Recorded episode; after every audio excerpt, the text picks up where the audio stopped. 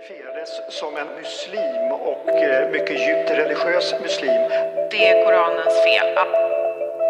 andra ändan då är man 100% Mohammedan. Det är Koranens fel. Det är Koranens Men vad, hur ser du på dig själv? Tar du avstånd från wahhabism och salafism? ett globalt kvinnoförtryck som finns Identifierades som en muslim och eh, mycket djupt religiös muslim. är lite Eh, mycket så jag religiös tar micken muslim. Ja, micken bror. Jag kallar det Mer, bra mer att någon för, gör att, det. eh, för att servera. Så får du göra målen inshallah. Eh, välkomna allihopa, ni som ska lyssna på det här samtalet. Och vi tackar eh, Amanj och vår ärade stora syster Fatima för ett väldigt givande samtal och eh, en inramning eh, för oss att fortsätta vidare från, från det mer globala, även om Amanj och Fatima också berörde det mer specifika, hur kriget mot terrorismen också har påverkat oss här i Sverige. Eh, Så får vi, vi får hoppas att vi kan eh, leverera som de levererade Kitimboa. De har satt ribban högt för oss. Alla, om vi bara kan göra hälften så, så ska vi vara nöjda och eh, våra lyssnare ska vara nöjda. Exakt. Jag tänkte faktiskt inleda med eh, det mest eh, basala, så att säga, eh, eftersom det inte är så självklart. När vi pratar om islamofobi, hur kan islamofobi vara en slags rasism? Kanske många tittare frågar. Det är inte alla som är invigda och vi ska inte heller förväntas preaching to the choir, som det heter på engelska. Så hur kan, hur kan islamofobi vara en rasism när muslimer inte är en ras? Eh, hur kan vi förstå islamofobi som en slags eh, rasism, en av många rasismer? Eh, tack bror eh, för den frågan. Och eh, jag tror att det handlar någonstans om att gå till, till botten med för det första vad rasism är för någonting. Jag tror, eftersom jag också jobbar med eh, rasism väldigt mycket i min vardag och rasism i organisationer, många människor tror att rasism är rasbiologi eh, och förstår inte då att rasbiologi som någon slags pseudovetenskap, den är inte mer än, den är inte ens 200 år gammal egentligen. Men rasism har ju funnits med oss mycket längre. Så vad är i så fall rasism om man får gå tillbaka till när det vi känner som rasism inleddes, det var ungefär 500 år sedan. Och det kom till av en speciell anledning, det var för att legitimera ett visst projekt. Vi pratar om Europa som expanderade, eh, det var militärt och politiskt starkt och eh, man hade precis som det hette från europeiskt håll upptäckt Amerika som man också koloniserade. Och sen också när man skulle exploatera det här nya territoriet eh, så använde man kidnappade förslavade afrikaner för det. Det här var två projekt som gick emot européernas egen moraluppfattning. Mm. Väldigt... vi pratar alltså slutet av 1400-talet, Ja, just det. början av 1500-talet. 1492 kommer Mm. Columbus i land på Barbados och inleder det här. Då. Och det här måste man helt enkelt förklara för sig själva först och främst och sen i någon mening för andra. Och då råkade det ju bara vara så att de människorna som man kom att dominera såg annorlunda ut än européerna. Eh, och då föddes den här idén om att vissa människor kunde behandlas sämre än andra kopplat till hudfärg och andra utseendemarkörer. Men också att eh, i grund och botten handlade det inte om människornas hudfärg utan vad man, det var man, vad man associerade med den. Eh, och man menade att eh, svarta människor i alla fall eh, var på en förbannelse. Hams förbannelse, alltså att de hade blivit, eh, att de var ättlingar till kanan, eh, profeten Noas eh, sonson. Eh, och på grund av någonting som eh, sonen Ham hade gjort då så blev hans barn kanan förbannade av Mm. profeten Noa och därför så skulle de vara förslavade. Så det här var idén eh, och poängen med det här eh, var ju Och att sen byggde legitimera man på olika lager, olika så som- lager hela så som tiden. mytologin fungerar. Just det, just det. Så Men poängen, leva, var, den började leva ett eget liv sen. ja, men poängen med det, det var att det var inte mer att man skulle bestraffa människor. Poängen var att man skulle dominera människor, kunna exploatera människor. Eh, Mm. Så att rasismen kom till för att legitimera ett brott, någonting som man själv kände var, brott, var brottsligt. Och det är intressant faktiskt, för det, för det sker samtidigt som det här med att erövra andra människors territorium och förslava människor, det var inget nytt i historien. Sen var ju det här formen av förslavande någonting helt nytt, det hade aldrig skett tidigare, att reducera människor till kapital, alltså det som vi känner som transatlantisk slavhandel, chattel slavery. Men det hade aldrig varit någonting man behövde förklara för sig själv, tills man var så att säga kristna som man var, hade universella idéer om alla människors barn till, alltså Guds barn och skulle behandlas på ett korrekt sätt. Så det är grunden, det är bara viktigt att veta. Och när man pratar om islamofobi idag, har islamofobi liknande funktioner. Att legitimera dominans, att avgöra vilka som är värdiga att ha resurser eh, och, och, och, och ha rätt till trygghet, materiella resurser, människovärde och så vidare. Det är det man måste fråga sig. Mm. Jag tänker också att eh, rasismen, eh, så som den konstruerades eh, i sitt embryo då, under slutet av 1400-talet, början på 1500-talet, så var det just i relation till Maranos och Moriscos, det vill säga eh, muslimer då som, som eh, var bosatta på den Iberiska halvön Eh, och även då judar som man kallade då för eh, Maranos. Eh, och det var just föreställningar om blodets renhet.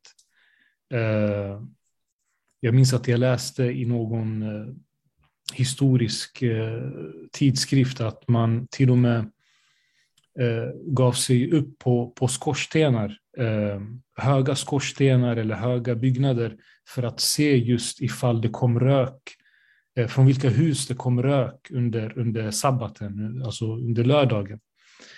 Eh, och så, så har vi då eh, ja, den spanska inkvisitionen, där man mer eller mindre plundrade eh, Maranos och på så vis finansierade också kriget och inkvisitionen mot Moriscos. Så de här sakerna är, är tätt sammanflätade. Histori ingenting uppkommer ur ett vakuum, så att säga. Men, men just kärnan är att det är föreställningar och ja. konstruktioner. Ja. På så vis så skulle man kunna säga att islamofobi delar element med ordet fobi.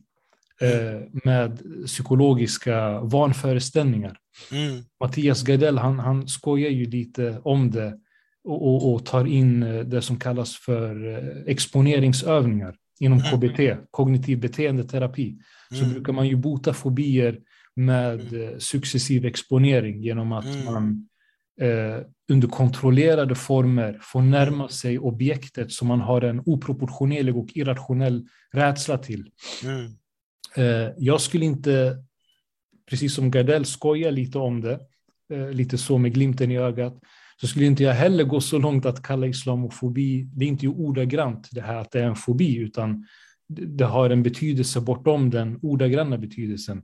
Mm. Men den delar element med fobin på så vis att det, det man ser är inte en spegling av verkligheten, utan det är föreställningar om muslimer. Och ett bevis på det är ju att även människor som inte är muslimer eh, drabbas av islamofobi och kan associeras med islam. Jag vet att eh, Soran Ismail, komikern, mm. berättade att när han var i, eh, iväg eh, till USA så blev han ihopklumpad med muslimer och fick samma behandling som, som muslimer får utstå. Så det är också en bekräftelse på att det är föreställningar, det spelar ingen roll, alltså ras existerar inte ens. Eh, och rasbiologin är passé, även om funktionerna lever vidare. Jag tycker att eh, eh, du, du fångar någonting viktigt där och det är ju kraften hos idéer. Eh, och varför idéer sätter sig. Men ofta sätter sig idéer för att de fyller vissa syften. Alltså samtidigt som det fanns idéer om eh, eh, svarta människor och andra rasifierade människors underlägsenhet så fanns det ju folk som funderade, visserligen färre kanske, men som funderade i rakt motsatta riktningar. Men mm. deras idéer satte sig inte, de fyllde liksom inga syften. Mm. Och om vi tar 1492 som år, så då när Columbus kommer till Amerika, det är ju samtidigt året för rekonkistan och återerövringen som de kristna ser det som av Iberiska halvön då, när man fördriver de sista morerna från, från eh, Spanien. Mm. Och då står man där med ett bekymmer och det är att nu har man ju erövrat den här delen av eh, Europa och normalt, historiskt, så sättet som man avgjorde om en person var liksom en bra människa, eller det rätta vilket är om den hade den rätta tron. Och i det här fallet den rätta katolska tron. Så man erbjuder de boende där, eh, muslimerna och judarna, att konvertera till kristendom om de vill och då ska de ju kunna stanna där. Det är så det alltid har varit. Har du rätta tron så är det okej. Okay. De här rasliga föreställningarna som vi har idag, de fanns inte då. Mm. Men man står med ett problem och det det här var väldigt många människor. Väldigt många människor. Och de konverterar ju, de som valde att konvertera, en del lämnade ju till eh, Nordafrika. Men... Dessutom så är det människor med, eh, alltså som, som har tillhört eh, aristokratin, många av dem. Ja, ja, ja. ja. Det, alltså, det, det är... Ja, ja, ja. ja och, och de konverterar i någon mening under tvång. Mm. Och då står man där med en stor grupp människor som man inte riktigt vet vad man har dem. Eh, och då kommer ju den här spanska inkvisitionen till för att, för att försäkra sig om att de har konverterat, att det är en uppriktig konvertering. Och då föds också idén att man inte kan lita på de här muslimerna och, och, och mm. judarna, ex-muslimerna och ex-judarna. Mm. Eh, och idén först börjar till att man inte ens kan lita på deras barn och barnbarn. För att de har någonting som förs över i blodet. Så nu ser vi, så här, vi ser religiösa koncept blir rasliga koncept helt plötsligt, som vi känner igen som något som kan överföras i blodet. Och det mm. var ju för att man behövde hantera de här människorna och helst ville man fördriva dem helt och hållet och plundra deras tillgångar. Det gjorde man i spanska inkvisitionen. Självklart finns det ju massor med människor kvar i södra Europa som är ättlingar till muslimerna som konverterade där. Alla fördrevs ju inte, men, men det var själva poängen och det är det som visar på hur det här rasliga och religiösa inte kan skiljas från varandra när de här idéerna eh, väl blommar ut. Mm. Eh, och jag tycker det tar oss till, till vår dagens islamofobi som har ganska lite att göra med vad muslimer tror på eller hur de praktiserar sin religion. I mm. någon mening, är du muslim så är du ett, ett, ett problem, eh, som Soran Ismail blir ett exempel på. Och det sättet som du känns igen som muslim, ja, det är ofta väldigt kroppsligt, eh, rasligt. Så att, Apropå att det har väldigt lite med vad du faktiskt tror på. Um, du minns säkert den här uh, old school-filmen som kanske väldigt få vet, uh, Vingar av glas. Mm. Uh, tror jag den hette, va? Där det finns en, en karaktär, en tjej som har persiskt påbrå från Iran. Som skulle räddas. Precis. Um, så jag, jag minns när jag gick eh, lärarprogrammet på Högskolan Dalarna så, så hade vi en, en kurs kring eh, ja, men film och, och, vi var tvungna att göra analyser på vissa filmer. Så jag gjorde lite analyser på Snabba Cash, jag gjorde lite analyser på filmen Farsan, men dessförinnan så var den här Vingar av glas. Men där finns det en scen som är väldigt slående som jag också plockade upp och tog med till seminariet. Och det var att kom, eh, den här tjejen, nu har jag glömt bort namnet på, på karaktären, men tjejens kompisar får helt plötsligt veta att, eh, att hennes pappa och hennes familj är muslimer. Och, och det första är att de utbrister och säger Va? Är du muslim?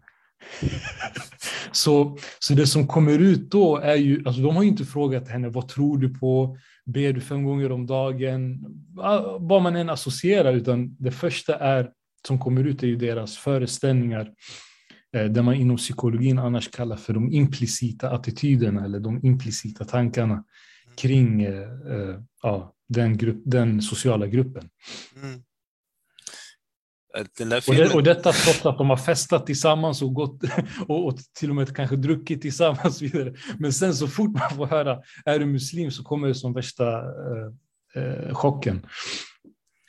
Men synliggör den här filmen är också inte, inte någonting som är i allra högsta grad en del av islamofobin och det är det här civilisationsprojektet Mm. Eh, att muslimer, eh, till exempel muslimska kvinnor, helst flickor då, ska räddas bort från eh, den här vad kallar den, bakåtvända barbariska religionen och, och, och, civilisationen in i en slags västerländsk upplyst eh, civilisation. Och mm. Om det för hundra år sedan handlade just om någon slags upplyst, rationell, eh, vetenskaplig kulturmaskulin i, så det man ska in i idag, det är någon slags här eh, festa och dricka och, och, och, och ha sexuella utsvävningar. Eh, kvaliteten på det man, man ska befrias till har verkligen sjunkit, men, men idén att man ska befrias är, är väldigt tydlig. Det är eh, markörer för en lyckad integration. Ja, lite grann. Eh, Men, men eftersom vi har fastställt och konstaterat nu att islamofobi eh, är en, en rasism bland många andra rasismer och på så vis bär många av de särdrag och funktioner eh, som, som rasismen bär på. Jag vet att du, eh, du jobbar ju mycket med det här till vardags. Eh, eh, du var med nu och tog fram en, en väldigt färsk rapport om hur, hur rasismen får verkliga konsekvenser på ett väldigt strukturellt sätt. Alltså hur, hur rasismen materialiseras och även fördelningen av, av resurser. Och eh, vi vet ju inom psykologin att en av de, eller kanske den största stressorn av alla stressorer är den ekonomiska eh, stressorn. Eh, och många av dem ni hade ju olika kategorier i den rapporten, bland annat MENA-kategorin och även söder om Sahara om inte jag minns fel och även norr om Sahara. Och det är ju de grupperna i Sverige där, alltså så vitt som jag vet, eh, representeras av muslimer eh, i mångt och mycket. mm. Eh, skulle du kunna utveckla just hur alltså rasismen gör skillnad i plånboken? Jo, men absolut. För om man kan säga att rasismen har, har tjänat två syften. Ett var då att, att legitimera eh, kolonialism och dominans och, och globalt imperium genom att avgöra vilka människor egentligen som kan koloniseras och vilka inte. Jag menar, Sverige är ju ett ganska litet land i Europa eh, och eh, som Tyskland visade under andra världskriget, de här mäktiga eh, nationerna i Europa kan, kunde mycket väl annektera och, och kolonisera de här mindre nationerna, men det var, det var inte tillåtet. Så när Tyskland gjorde det här, nazisterna, eh, under andra världskriget, så, så väckte det liksom avsky eh, hos eh, de andra eh, stormakterna. Så kan man inte göra. Man kan inte kolonisera Norge, Belgien och så vidare. Och det här var länder som själva koloniserade människor samtidigt i, i, i resten av världen. Ta Storbritannien, Frankrike som exempel. Då. Eh, men eh, en annan sak, en annan del av det här det är ju att avgöra vilka människor det är som Eh, är värdiga att allokeras resurser, vilka som är förtjänta av olika former av resurser. Eh, och i, i ett sådant samhälle som vårat, det man pratar om, det är egentligen rättigheter. Vem är det som har rätt till ett, ett, ett okej arbete, till ett bra boende, till en god utbildning, till det sociala välfärdssystemet, till en god hälsa till och med. Eh, vem förtjänar det mer än andra? Och i den moderna nationsstaten så tycker jag det är ganska tydligt att man kan skilja mellan den verkliga medborgaren, alltså i västvärlden, i länder som i Sverige, och de som inte hör till, främlingen, vem det nu kan vara. Och dit hör ju den rasifierade personen, den icke-vita, och dit hör muslimen. Alltså människor som inte riktigt anses som svenskar på olika sätt. För att hela tiden när vi diskuteras så finns det bakomliggande en idé om att om det inte passar så åk hem eller om du inte sköter dig ska du ut. Och det finns ju många människor för vilka Sverige kanske inte passar eller som kanske inte sköter sig. Men om du är vit, om du är kristen kulturbakgrund så är det inte någonting du ska åka ut för. Men jag skulle säga att muslimen helt klart hör till de där så kallade främlingarna. Mm. Och när det gäller muslimer då kan man säga det öppet. Muslimer som ett problem, muslimer som att de inte hör hit och så vidare. Det kan man inte säga om andra grunder som människor rasifieras på. Jag tycker inte man kan säga med, med samma liksom, ja, svarta är ett problem. Eh, bruna är ett problem. Förstår du vad jag menar? På grund av associationerna till rasbiologin. Exakt, men muslimer kan vara ett problem. Mm. Och sen råkar det bara vara så att... tankarna, tankarna till, eh, till Du Bois eh, klassiska verk. Redan i inledningen så pratar han, på den tiden var, ju, var det, ju det här såklart väldigt explicit och, och öppet. Eh, vad det innebär att ses som ett problem, eh, uppfattas som ett problem. Mm. Eh, inom, inom den bakgrunden som jag har, eh, som, som har studerat de socialpsykologiska mekanismerna, eh, så brukar man prata om, eh, om social dissonans. Ehm, eh, man har eh, det fanns en, en, en, polsk socialpsykolog som, hette, som är väldigt känd och populär inom socialpsykologin som heter Teifel. Han hade, han hade en teori som kallas för social identity theory. Och eh, den är väldigt basic på så vis att det handlar väldigt mycket om att människor eh, gärna vill eh, tillskriva sin ingrupp positiva särdrag.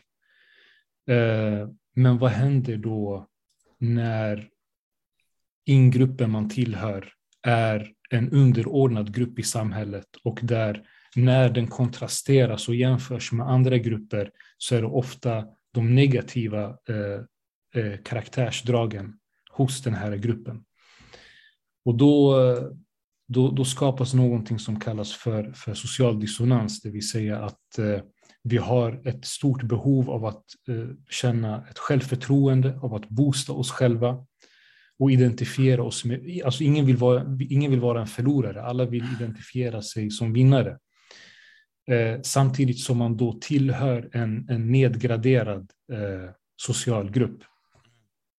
Eh, och det här leder eh, väldigt ofta till att man, apropå det här med att ses som ett problem eller att muslimer är ett problem, det leder tyvärr till att man börjar framhäva andra identitetsmarkörer, andra ingrupper, för vi människor är komplexa. Så om man tillhör flera olika ingrupper så börjar man framhäva, framhäva de som man vet kommer ses eh, som positiva och ses i, i ett eh, positivt dager så att säga.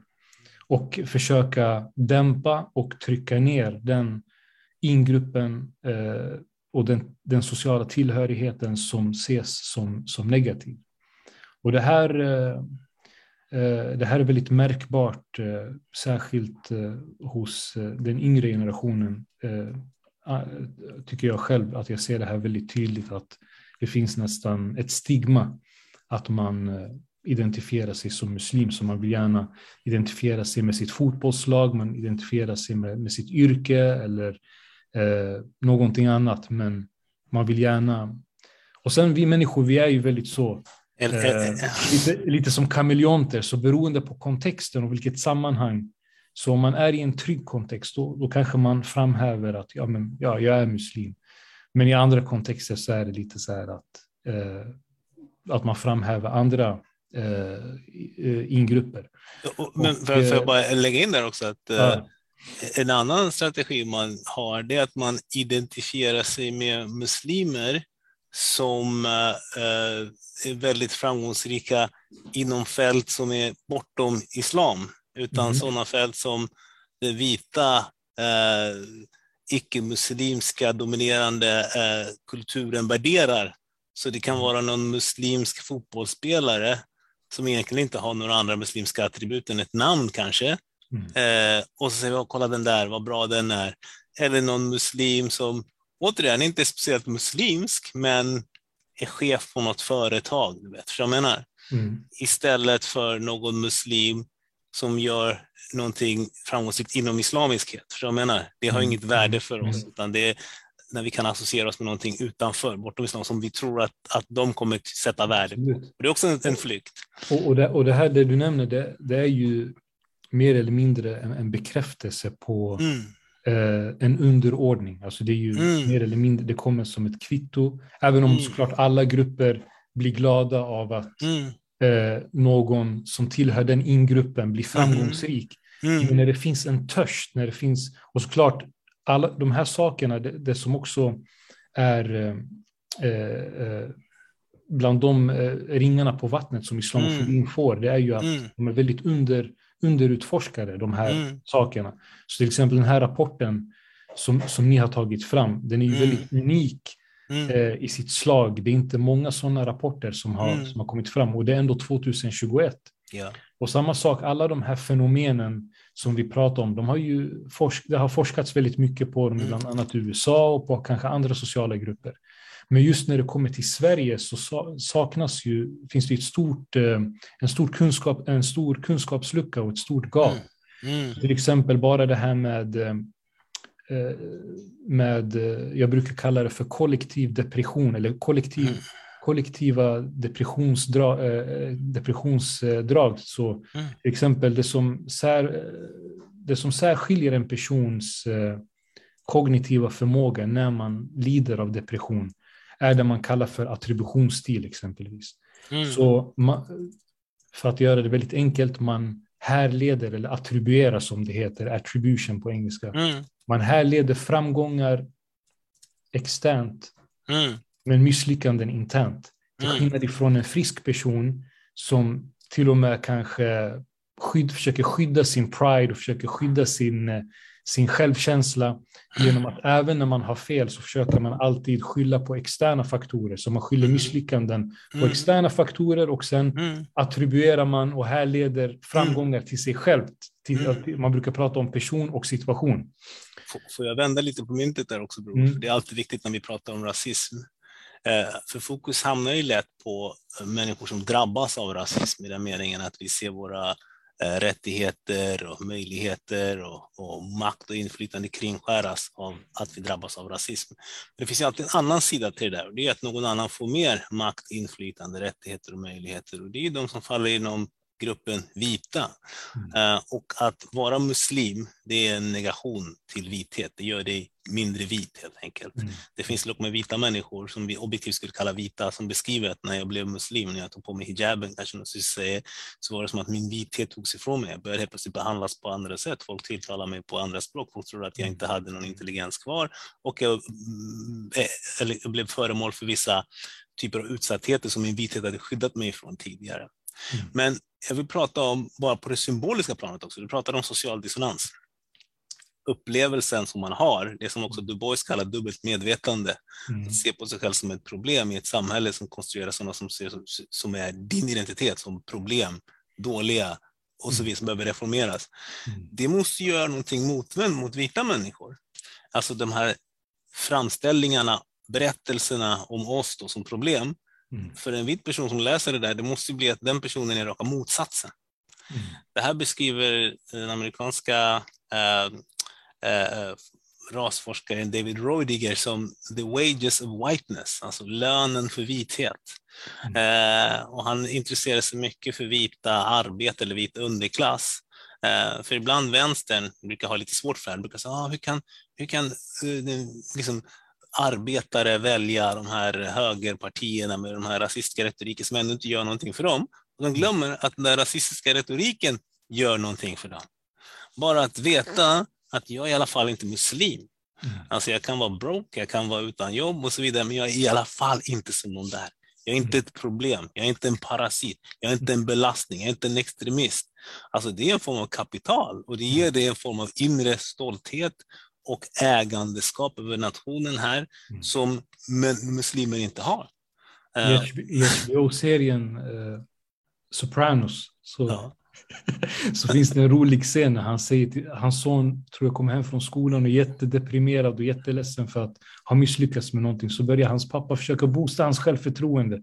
Så när han nämner han olika saker som sonen är bra på så säger han and you white. Ja, men visst. så, så tror jag mamman typ eh, säger till Tony Soprano, huvudkaraktären, eh, som, som, som jag tror heter James Gandolfini, eh, Mm. hans riktiga namn, hon säger, så, så, säger hon typ, typ utbrister hon, hur, hur kan du säga, alltså, säg inte, så, säg inte sådana saker till din son, du ska inte indo, indoktrinera de värderingarna. Så hon, även hon förstår att, eh, att det inte är bra. Men eh, just att, ha, att veta att man inte står, att man, att man inte är längst ner i hierarkin så att säga.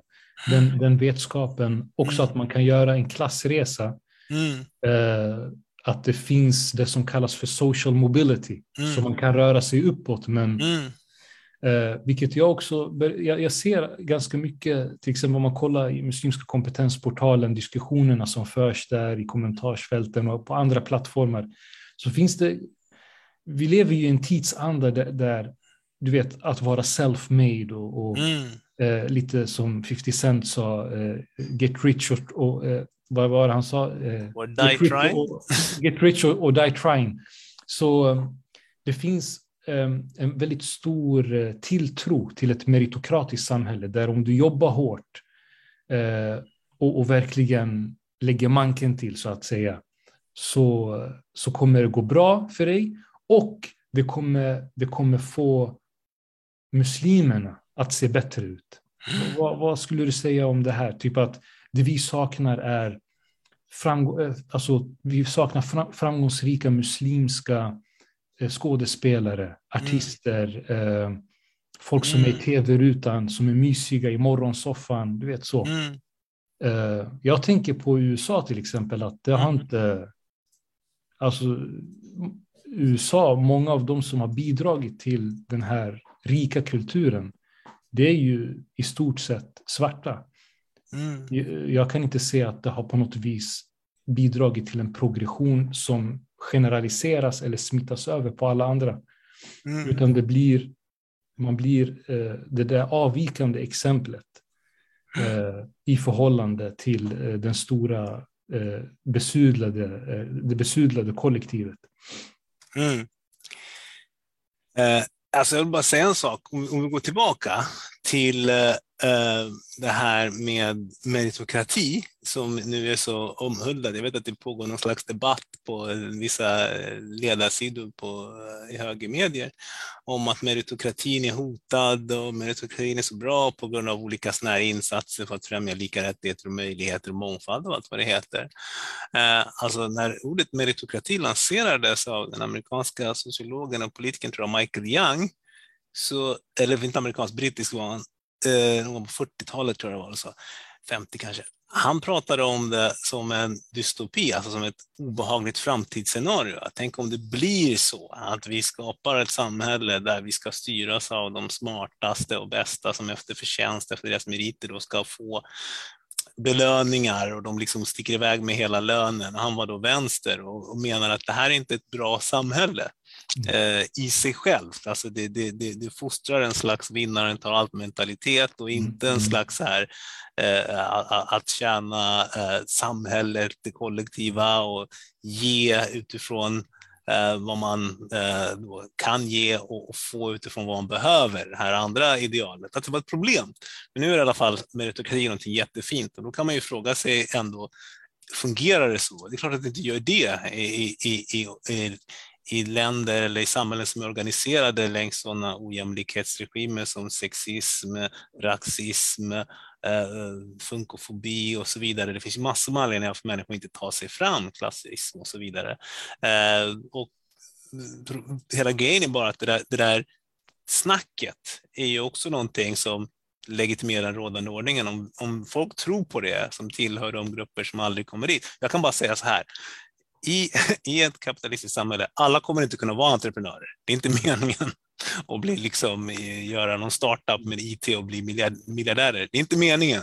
Mm. de Vem ska flesta- köpa produkterna? Ja, och de flesta måste vara arbetare, så det är ett slags lotteri. Och sen om man tror på att det blir de bästa som lyckas i det, whatever, men det kommer ändå inte funka. Alltså det är inte en väg upp ur, man säga, eh, att leva ovä ovärdighet och utsatthet och, och, och sånt.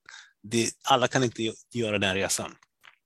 Eh, Så, att- så, så hur, eh, hur förs kampen mot islamofobi? Är inte svaret att vi får fler muslimska tandläkare och läkare och mer välutbildade människor? Eh, För jag kan tänka mig att sociala medier har varit en game changer Mm, för alltså den tidsandan vi lever i har också Mm. ändrat kämparandan mm, på många Mm. sätt. mm, Det, det är många som, som, som klagar på just det här att eh, ja, man är keyboardaktivist och eh, eh, typ eller så Instagram-aktivist, men man gör inte man hade aldrig kunnat gå med i de här kända marscherna med Martin Luther King eller typ offrat Ja. sitt liv som, som de gjorde. Men hur förs, alltså hur, eh, för jag vet så här, det, det, det positiva jag har fått med mig tycker jag från, eh, från akademin och forskningen, det är just att det inte är alla interventioner, det är inte alla ansträngningar som, som leder till ett önskvärt resultat. Ja. Så hur, för jag vet att Amanj och eh, Fatima i deras samtal avslutade med en liten cliffhanger om att eh, ja, det är en, en, en dyster framtid som vi går till mötes, men att hoppet lever vidare och att det finns mycket att göra. Mm. Om vi spinner vidare på det, hur, hur ska man göra och hur går man tillväga? Fatima nämnde läsning och organisering och så vidare. Mm. Och du, du sitter ju på mångårig eh, erfarenhet eh, från både att ha varit aktiv i muslimska frågor och när det Mm. kommer till afrofobi. Så vad, vad tycker du är bra strategier för att möta islamofobin? Är det fler tandläkare och läkare och, och folk som bakar i tv? No, no, no, offense, no offense mot folk som bakar i tv, men vad är det vi behöver? Nej, men alltså, hellre än att säga till eh, syskon vad de ska tro är vägen framåt, så kan vi ju istället, du och jag, försöka bena ut de här olika eh, strategierna och se vart de kan leda fram till. Eh, jag tycker att eh, det finns ju den här idén någonstans, den här lite individualistiska idén som jag inte riktigt känner igen i islam. Eh, och, och som har krupit in i, i, i kristendomen i vissa riktningar av den här framgångsteologin. Om jag blir rik så är det bra för, för alla på något sätt. Liksom. Så här, du har en pastor som eh, har en privat jet och flyger omkring och berättar för andra hur de ska bli rika. Och det, Jesus vill att ni ska bli rika. Trickle något down. och så ska det trickle down. Det, det, det Eh, till de andra. Och, och någonstans så kan jag tycka ibland att vi muslimer också har gått in i det, men för oss handlar det liksom om lite andra saker. Eh, det handlar också om vad islamofobin gör med oss och det här behovet av att visa upp eh, exempel som den dominerande vita kulturen värderar. Och då ska man alltså göra saker som den dominerande vita kulturen värderar. Det kan vara något så här snurrigt som att man i ett muslimskt land, eh, säg säger UAE, bygger en skyskrapa som är en, en kilometer hög. Sånt där kan göra muslimer stolta för de tror att människor i väst tycker att det är viktigt att bygga höga byggnader. Kolla, vi har byggt en hög byggnad. Vad, vad, vad gör det för, för muslimer? Men ändå liksom. Eller att någon eh, når någon slags framgång i det privata, i yrkeslivet eller något sånt där liknande. Vi, vi håller fram det. Delvis som en strategi tror vi för att vi ska få någon slags upplyft, men framförallt tror jag att det handlar om att kunna visa upp att titta på de här och vi är inte sådana. Jag är inte en sån muslim. Jag är det här. Jag har något jobb. Jag gör min grej så där. Jag tycker det handlar väldigt mycket om det och den här individualistiska. Det Så, aldrig... så, med andra ord, det du sätter fingret på är att även om fler framgångsrika muslimer skulle ta plats så är det bara mer av det vi redan har och att islamofobin på något vis är en produkt Mm. av ett samhälle som inte mår bra. Eh, en värld som, som bland, bland annat har gett oss ja, men, eh, en, en aggressiva former av, av rasism, men också eh, krig och förödelse och eh, atombomber och allt vad det innebär. Mm. Så du är mer, du är mer inne på att man bör rekonstruera eh, framgång, vad, vad det innebär att vara framgång, till att Ja, ja, ja. isla- Islamofobin tvingar oss till att bli, bli mindre av oss själva och mer av, eh, av det som hegemonin. Alltså, ja, man kan ju se framgång som att tjäna sin community också. Och inte bara den muslimska community, samhället i stort i och för sig. Men, eh, nu ska vi se här så jag inte tappar bort min tråd där. Eh, den här islamofobin vi bekämpar. Alltså det finns en intressant bok som är skriven av Mahmoud Mandani. Han pratar om good muslim, bad muslim. Alltså att eh, man, man gör en slags uppdelning mellan bra och dåliga muslimer och vi försöker vara bra muslimer. Eh, och dåliga muslimer, det är sådana där muslimer som man skickar till Abu Ghraib och Guantanamo. Liksom. Mm. Eh, det är sådana där muslimer som man fängslar utan rättegång och deporterar. Det är sådana där muslimer som man bevakar deras moskéer. Det är sådana där muslimer som kan bli radikala. Okay? Och sen finns det bra muslimer och det är de man ska försöka vara som. Men man har ingen solidaritet med de där dåliga muslimerna som är en slags icke-människor, som inte har några rättigheter, som i verkligheten befinner sig i de här black sites där du inte längre är människa, du är ingenting. Och vi som muslimer ska någonstans känna att de här människorna, de ska vara där, för de har inte gjort rätt grejer som jag gör. Förstår du vad jag menar? Eh, Så en, en sådan eh, man säga, kamp mot islamofobi, där jag ska vara en bra person eller framgångsrik lyckad person, för att annars förtjänar jag att hamna i Guantanamo. Alltså, förstår du? Eller jag ska, det, det handlar liksom om att också sätta ramarna. Det finns ett uttryck, policing muslimness. Att det blir som någon slags här, övervakning över hur du får vara muslim. Till exempel ditt skägg bror, du borde ha det lite mer som mig. Mm. Ditt är för långt. Mm. Förstår du? Du går över gränsen. Mm. Men mer som mig, det är okej. Jag är businessskägg, jag kan gå och visa mig. Sådär, det är okej. Eh, hur, du, hur, hur, hur pass mycket du får uttrycka religiositet utåt. Liksom. Förstår jag menar?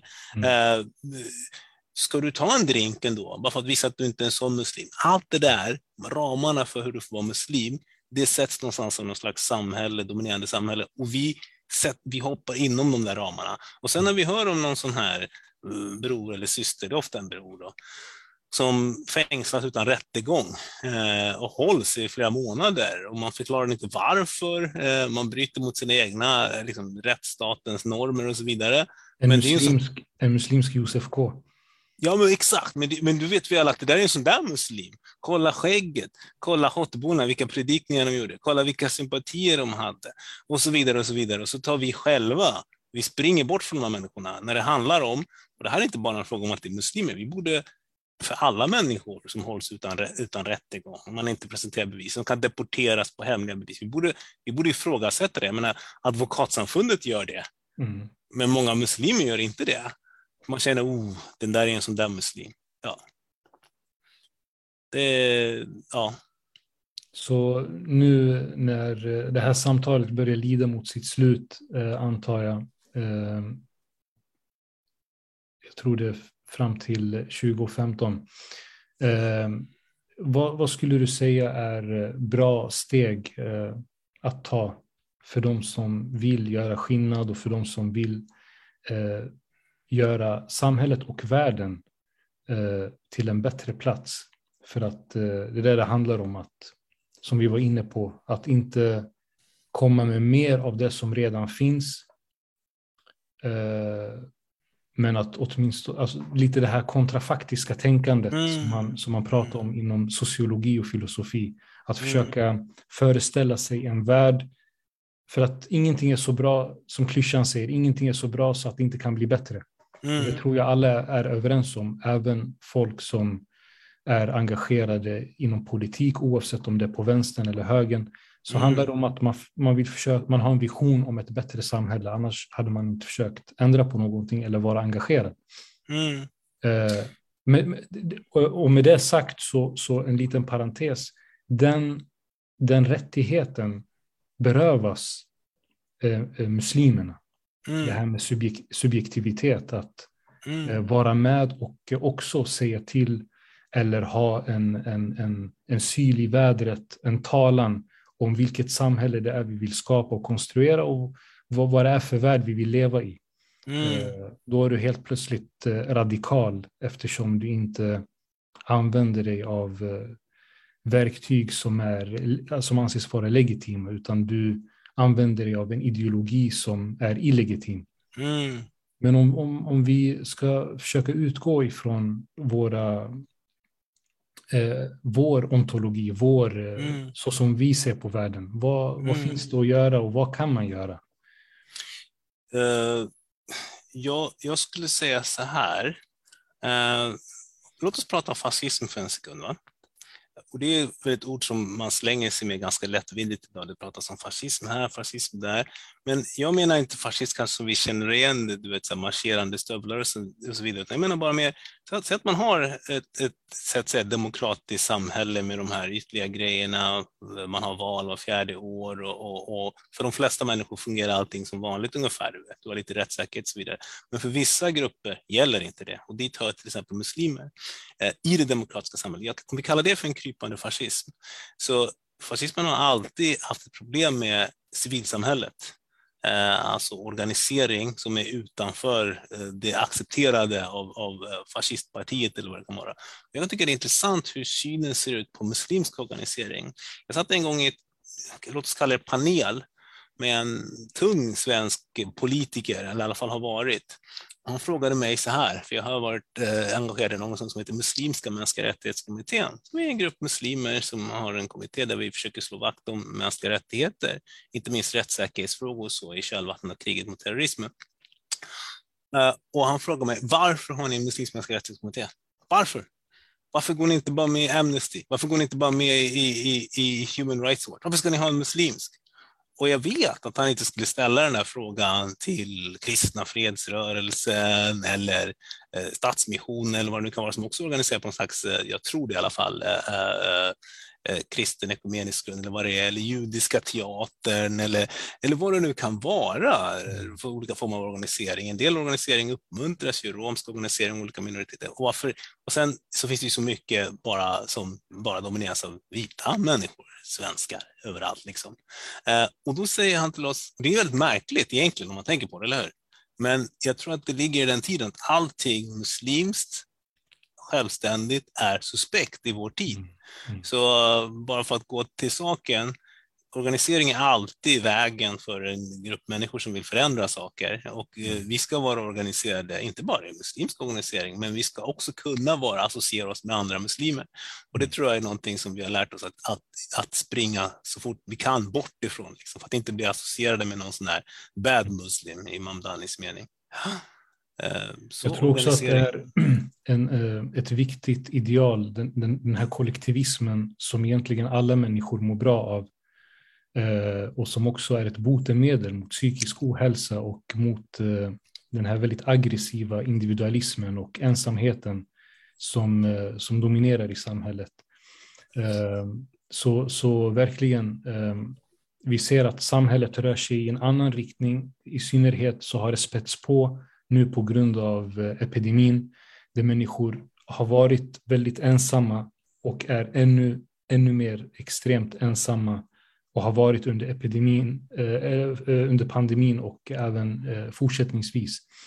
Eh, och det är viktigt att man inte faller i den, i den, eh, i den fallgropen, att man tror att, eh, att det går att på något vis, på ett bekvämt sätt, på ett väldigt artificiellt sätt, föra en kamp, eh, utan det ska ske eh, tillsammans med andra människor. Det ska, det ska vara ett utbyte av tankar, av känslor, eh, där man också stärker banden eh, genom, eh, genom, att, eh, ja, genom självuppoffrande eh, beteenden. Eh, det, det, är nog, det, det är nog vägen framåt, för att det vi ser idag det är Mm.